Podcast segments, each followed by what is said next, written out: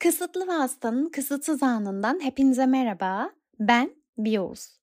Bugün okuyacağım mektup, çocukluğumda önemli bir role sahip olan, elinden yemeğini yediğim, çayını içtiğim, yaş aldıkça dertlerimi paylaşıp kendisine danıştığım, ağlamalarıma çokça şahit olan, en doğal halimi yakından gözlemleyebilen, azmine hayran kaldığım, aynı binayı paylaştığım, geniş Oğuz ailesi Ferdimin bir üyesi, kuzenlerimin annesi, amcamın eşi olan çok sevgili Sibel ablama ait. Ben genelde yengelere abla, eniştelere abi diyen o kişiyim evet ee, ve daha çok yeni nesile tabii. Sibel ablam aslında öykücü. Ee, Türk dili başta olmak üzere çeşitli dergilere yazıyor. Ve bir de ailemiz için bir ilk olan, bizi çok heyecanlandıran, kısa sürede ikinci baskıya giden Annem Zeytin ve Çay isimli kitabın yazarı aynı zamanda. Kitap 18 öyküden oluşuyor. Henüz okumamış olan kitap severler için de minik bir tanıtımda bulunmuş olayım. Yine çoğunlukla eğlendiğimiz, yer yer hüzünlendiğimiz bir beş çayında ay Sibel abla ya yok mu mektupların diye sordum. Ve Gülare'ye mektuplar serisiyle tanıştım. Aslında unuttuğum bir şeymiş onu da fark ettim. Hikaye şöyle. Aslen Akdenizli olup doğuya öğretmen olarak atanan, ismini bilmediğimiz bir gencin genelde öğle aralarında can dostu gibi gördüğü Gülare'ye mektuplar yazması. Bu seride 6 mektup var. Ee, ben 3 ve 4. mektubu okuyacağım sizlere. O halde ilk mektubumla başlıyorum. Gülare'ye mektuplar. Öğle arası 3. Gülara, sana nasıl hitap etmem gerektiğini beceremiyor olsam da şunu bilmeni isterim ki yazdığım her sözcük açılmaktan korkan birer tomurcuk. Körpe, samimi ve sana özel. Bu sabah işe geç kalırım korkusuyla evden hızlıca çıkmam az kalsın bir faciaya sebep oluyordu. Gizli buzlanmayı fark ettiğimde iş işten geçmişti. Kaşlarını çattığını hisseder gibiyim. Canımın içi. İnan bana mühim bir şeyim yok. Sağlık ocağındaki doktor hafif incinme olabilme ihtimali üzerinde durdu. Bunlar çaresi olan şeyler. İyileşmesi için biraz zamana ihtiyacı var. Fakat gönül öyle mi? İncinmeye, zedelenmeye görsün. Tam iyileşti, kapandı derken. Göz çiçeğim, beni asıl kederlendiren iki yüzlü insanların gizli buzlanmadan daha tehlikeli oldukları. Onların kalbimde açtıkları onarılmaz çatlaklar, iyileşmesi mümkün olmayan yaralara dönüştü. Bilsen kaç kez yamaladım yüreğimi.'' Kaç kez diktim söküklerini. Ucu kaçmasın diye türlü düğümler attım kılcal damarlarıma. Sağlama aldığımı zannederken en olmadık yerlerden sızdı. Sinsi bir düşman gibi. Canımın içi. Seni hususi meselelerimle yormaya hakkım yok. Fakat sen de biliyorsun. Beni anlayanın en iyi sen olduğunu. Gün geçmiyor ki sensizlik bende bir çareliğe dönüşmesin takvimi her gün koparmayışım ihmal ettiğim anlamına gelmesin. Buralarda vakit fazlasıyla tembel. Yayılıyor, uzuyor ertesi güne sarkıyor. Akdeniz'de öyle mi? Hele sen yanımdayken. Şimdi uzaklarda olman, aramıza mesafelerin girmesi, gönül ıraklığı anlamına gelmesin. Her an benimlesin ve zihnimin işlek caddelerinde dolaşıyorsun. Dün akşam sana neleri yazacağımı düşündüm. Daha doğrusu ne yazarsam mutlu olursun düşünceleri zihnimi kurcaladı. Sonunda saçlarına şiir yazmaya karar verdim. Erken alınmış bir karar değildi elbette. Bir haftadır düşüncelerimi meşgul ediyordu. Portakal kokularının saçlarına karıştığını yazsam, Zeze gücenir miydi? Her zaman söylediğim, savunduğum yargılar kesinlik kazanarak beni yanıltmadı. Evet, planın dahilinde ilerlemek her zaman mümkün olmuyor ne yazık ki. Bu mektubum için de geçerli. Yazmak istediğim şiirin yerini şikayetler aldı. Umarım bu durum kalbinde en ufak bir çarpıntıya neden olmamıştır. Bunu olgunlukla karşılayacağından şüphem yok. Bir takım engellere savaş vermem gerekiyor belki de. Fakat Don Quixote kadar asil yürekli olmamakla beraber şövalyelik yasalarını bilemem ne yazık ki. Dünyayı değiştirmek bir yana, kendimle ilgili en ufak bir değişim söz konusu değil kendine hayrı olmayan bir şövalye. Değişim demişken Şu füler mevzusu canımı hayli sıkmaya başladı. Küçük yerlerin dedikodusu büyük olur. Duymazdan geldikçe hani şu dostluğumuzun ipleriyle dokuduğum filerden söz ediyorum. Daha evvel bu konuya değinmiştim sanırım. Bazı alışkanlıklarımın vazgeçemediklerim desem abartmış olmam bir başkasına malzeme olması canımı sıkıyor. Bir filar üzerinden düşüncelerimi sorgulamak bana göre şeyler değil. Gülara, ruhumun aydınlığı, varlığınla hayatıma anlam katan can dostum. Güzel bir eve sahip olamamam benim için bir kayıp değil doğrusu. Mete'ye önem vermediğimi biliyorsun. Oysa senin dostluğunu kazanmak kadar güzel ne var bu dünyada? Şimdi sözde dostlarım dünyalık şeylerin gözümde bu denli değer kaybedişini duysalar arkamdan olmadık laflar edecekler. Ah göz çiçeğim, hakkında çıkan söylentiler canımı sıkmıyor değil. Sözüm ona Marksist düşünceleri sahipmişim. Sakalım açığa vurmaktan kaçındığım duygularımın şekil bulmuş haliymiş. Ne diyeyim? Ne vakit kılık kıyafet düşünceleri kuşatır oldu. Bugün üzerimde garip bir sıkıntı var. Yerini tarif edemiyorum. Keşke ağrıyan yerim dişim olsa karanfil tanesi koyar en azından ağrıyı ertelerdim. Bu durum işlerime de sirayet ediyor. Sabahtan beri Ahmet Bey'in bakışları uyarı veriyor. Doğrusunu söylemek gerekirse haksız sayılmaz. Bilirsin, düşüncelerim eylemlerimi ele geçirmiş durumda. Zihnim yoğunlaştıkça hareketlerim yavaşlıyor. Buna engel olamıyorum. Dün doktorla görüşmem vardı. Sırf sana verdiğim sözü yerine getirmiş olmak için katlanıyorum. Alanında iyi olmak kibrinden yere bakmamayı mı gerektirir? Lütfen bu sorumun cevabını yaz. Efendim, kendim olmalıymışım. Duygu ve düşüncelerim özgün olmalıymış. Başkasını taklit ederek yaşam sürmek kendime yaptığım en büyük kötülük olurmuş. Buna hakkım yokmuş. Bu sessiz eylemlerim varoluşçuluk felsefesinin yasalarına aykırıymış. Kendi varlığımı sorgulayarak tek olduğuma, biricik olduğuma inanmalıymışım. Filan feşmekan.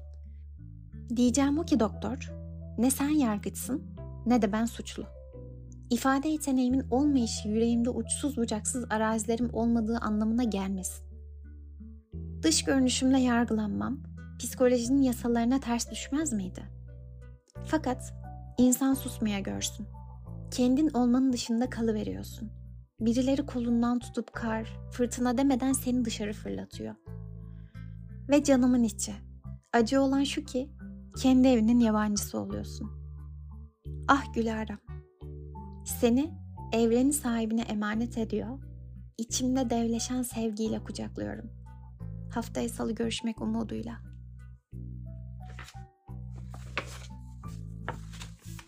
Öğle arası dört.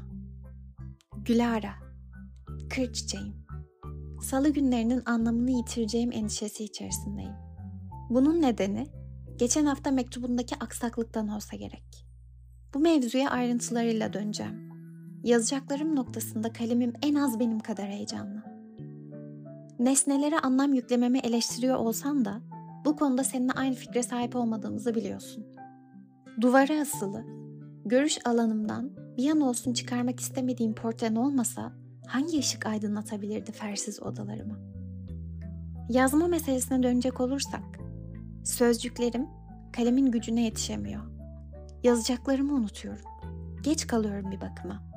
Hafızamda oluşan çalkantıyla beraber mürekkebin akıntısına kapılıyorum. Kelimelerim gelişi güzel çıkıyor ağzımdan. Üzerinde düşünme fırsatı tanımıyor kalemim. Umarım aceleyle yazılmış satırlarda canını sıkacak bir sözcük kullanmamış olurum. Seni incitmek, göçmen bir kuşun kanadını kırmakla aynı şey nihayetinde. Göç felsefesini anlamıyor olsam da, daha doğrusu felsefeden haz etmesem de, söz konusu kuşlar ve sen olunca sofist kesilirim. O vakit hangi bilgin susturabilir? Zihnime yıldırım hızında düşen sözcüklere karşı koyma cesaretini kim gösterebilir? Doğrusu canımın içi, ivedi bir eylemin beni etkisi altına alması olacak şey değil. Aceleciliğime şaşırmadığını seziyorum. Her daim zamanın gerisinden geldiğini, bir kereye mahsus vakit konusunda seni yanıltmadığımı iddia edebilirsin. Hayır, kırılacak değilim. Eleştirmek doğal hakkın. Kendine geç kalmış bir başkalarına yetişebilir mi? Fakat güz çiçeğin, İnan bana aksilikler bir an olsun bırakmıyor peşimi. Saati yedi çeyreğe kuruyorum.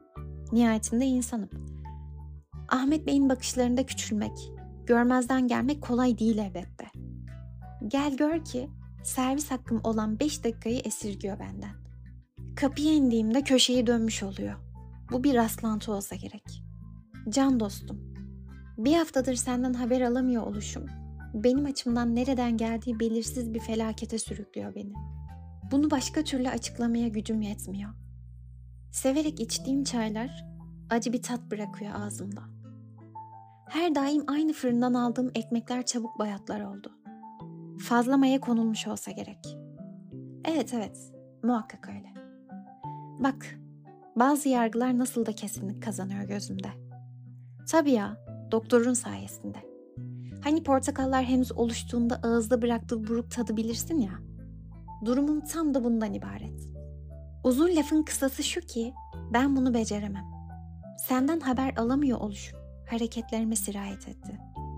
Huysuz, çekilmez bir adama dönüştüm. Şimdi bu mevzuyu karşılıklı konuşma fırsatı bulmuş olsak, kahkahaların düşüncelerini ele verecekti. Fakat canımın içi, Kafka'nın böceğe dönüştüğü gerçeği seni bu denle etkilemişken, benim kendi dışıma çıkmanın neresi gülünç? Seni bu denle eğlendiren nedir? Hayır, elbette gücenecek değilim. Bu satırları okuduğunda dudak altından güldüğünü hissediyor olacağım. İkimiz de biliyoruz duygularını açığa vurmayı sevmediğini. Buna gülüşün de dahil.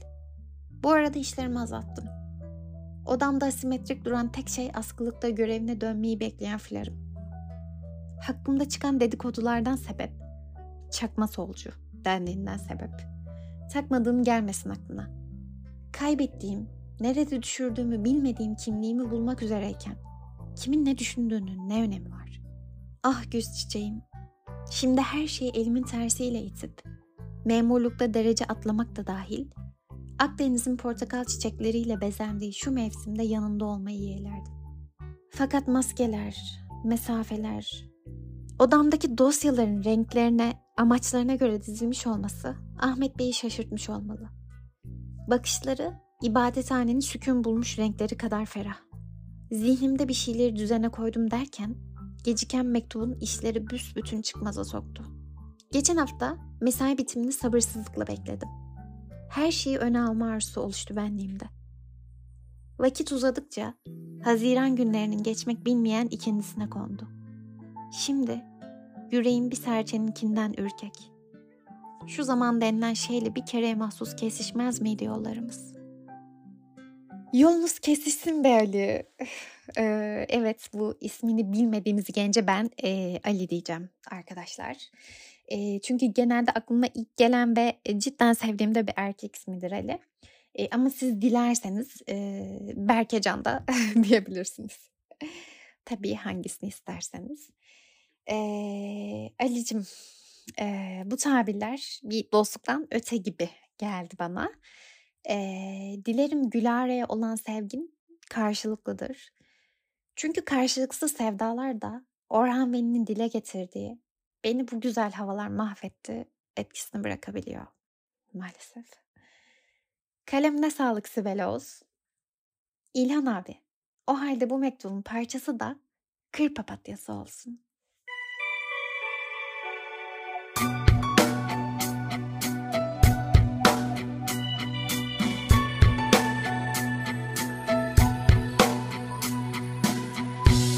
Bu gece yanımda olsan Yüzüne gonca kondursan Küçücük avuçlarında Sana masallar anlatsam O gece benimle kalsan Sabırsız hayaller kursan Görmeye mevsim saydım.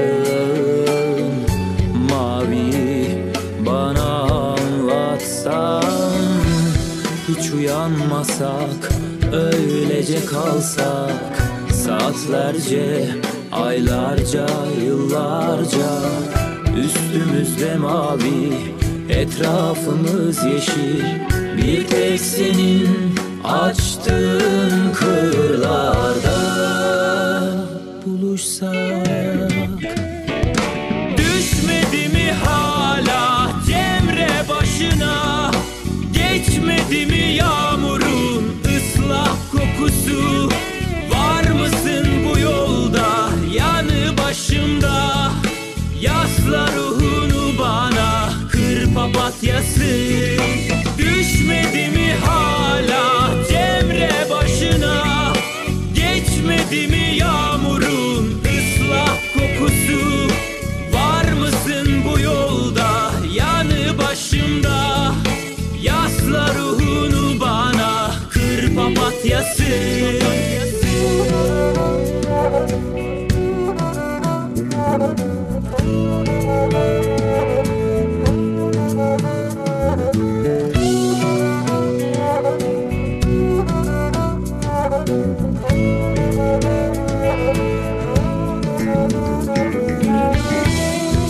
uyanmasak öylece kalsak Saatlerce, aylarca, yıllarca Üstümüzde mavi, etrafımız yeşil. Bir tek senin açtığın kırlarda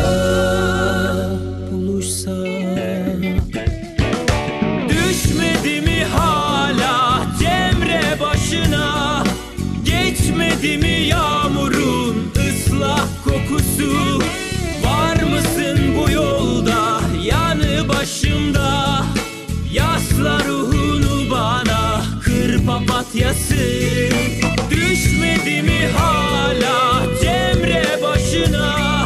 Geçmedi mi yağmurun ıslak kokusu? Var mısın bu yolda yanı başımda? Yasla ruhunu bana kır papatyası